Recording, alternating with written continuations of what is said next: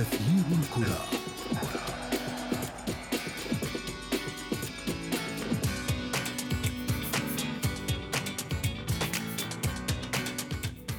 هل كان أحد يتخيل أن يعود مورينيو إلى البريمير ليج وأن تجتاح إنجلترا حمى إقالات المدربين؟ هل توقعت أن يطرح أحدهم اسم لايبزيغ ضمن المرشحين للقب البوندسليغا أو يصارع إشبيليا وفالنسيا قطبي الليغا على الصدارة؟ هل تفاجأت بعودة إنتر ميلان للصراع على لقب الكالتشيو وأن يجلس رونالدو على دكة الاحتياط؟ أحداث كثيرة ومثيرة. قدمها لنا هذا العام الكروي الحاسم في الدوريات الكبرى. ونحن بدورنا نستعرض أهمها في حلقة اليوم من أثير الكرة والانطلاقه من العناوين. سجل تاريخي لليفربول ومؤرق لقطبي مانشستر وهوية الجنرز بين الكبار ما زالت مفقودة. فوضى الكبار تفتح الطريق لفرق أخرى نحو لقب الليغا وأحد أكبر النجوم نادم على على مغادرة الملكي وفي فقرة ما لا تعرفونه عن كرة القدم نكشف لكم كيف عوض رونالدو جونيور إخفاق والده بالجوائز الفردية لهذا العام. أثير الكرة. نرحب بكم مستمعينا الكرام في حلقة اليوم من أثير الكرة حيث نسافر فيها عبر محطات عديدة. نحصد من خلالها كل ما جد واستجد على متابعي وعشاق كرة القدم طوال هذا العام 2019 سواء بلحظات النجاح التي عاشها نجوم اللعبة مع فرقهم أو منتخبات بلادهم ولحظات أخرى من الفشل التي ينظرون إليها على أنها كبوة جواد سيتم تعويضها العام المقبل.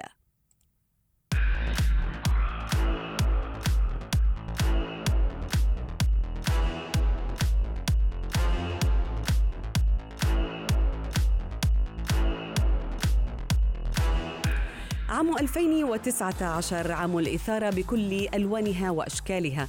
هناك أمور ومعطيات اختلفت فيها المنافسة عن المواسم السابقة.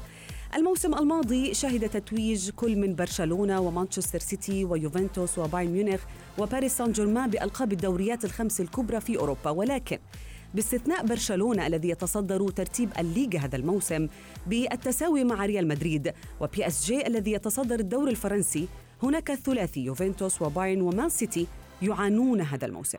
وتحوم الشكوك حول قدرة هذه الأندية في الاحتفاظ باللقب بعد اقترابنا من الوصول للنصف الأول من الموسم الحالي. دعونا بداية نتحدث عن أحداث الدوري الإنجليزي الممتاز مع الصحفي والإعلامي عمر ربيع ياسين. مساء الخير كابتن عمر. مساء الخير يا فندم ازي حضرتك؟ تمام الحمد لله. عمر بداية ما رأيك بطبيعة المنافسة حتى اللحظة في البريمير ليج؟ في شك طبعا الدوري الإنجليزي هو دوري معروف بالقوة اللي موجودة ما بين الفرق بينها وبين بعضها. دايما كل موسم بنلاقي فرق آه، مختلفة بتنافس على الصدارة.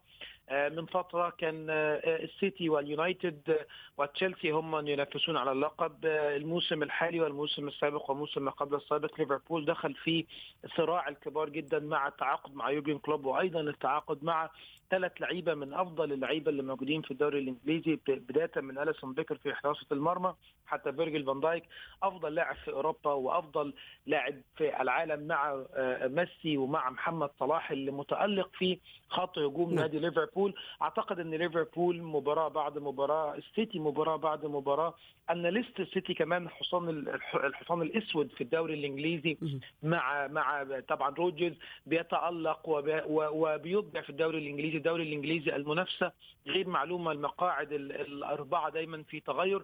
لكن الموسم الحالي أعتقد حضرتك إن الدوري الإنجليزي هيكافئ فريق ليفربول. ليفربول. بالفوز موسم الأرقام بالفوز يعني موسم الأرقام القياسية من بداية العام لحتى نهايته يعني اندماج مثالي بين المدرب والكتيبة أطول سلسلة خالية من الهزائم مباراة آه يعني صلاح يعتلي قائمة الهدافين تاريخي الفريق عودة الروح المثالية للثنائي صلاح وماني ماذا بعد ليفربول؟ زي ما حضرتك قلتي أرقام آه، دايما النجاح في أي منظومة لازم في الآخر يكون في نجاح لما يكون في تعاون ما بين كل أفراد المنظومة ده اللي ده اللي بيحافظ عليه يورجن كلوب.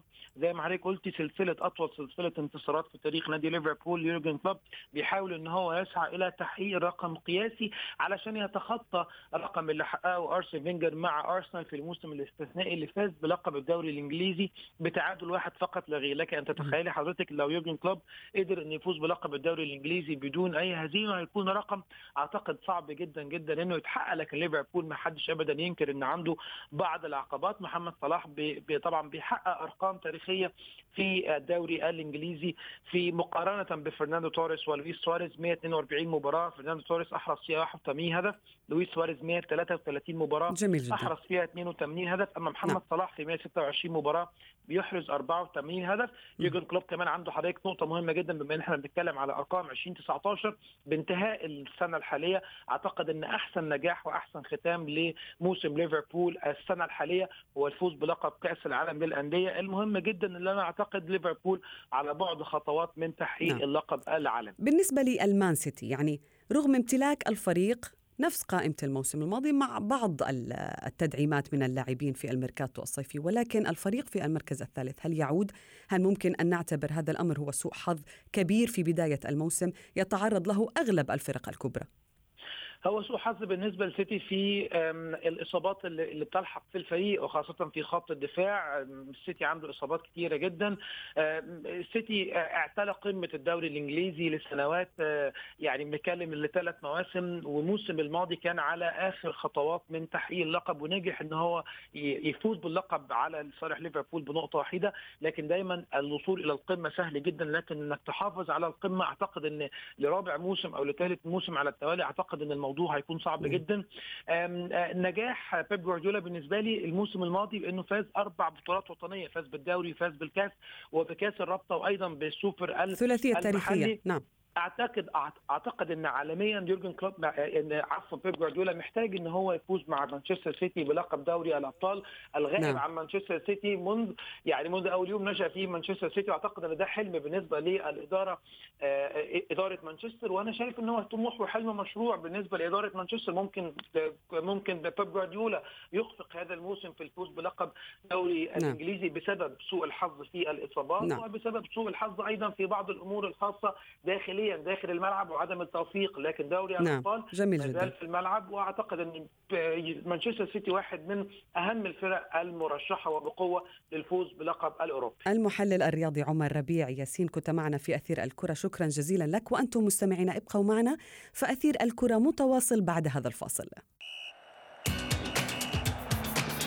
أثير الكرة.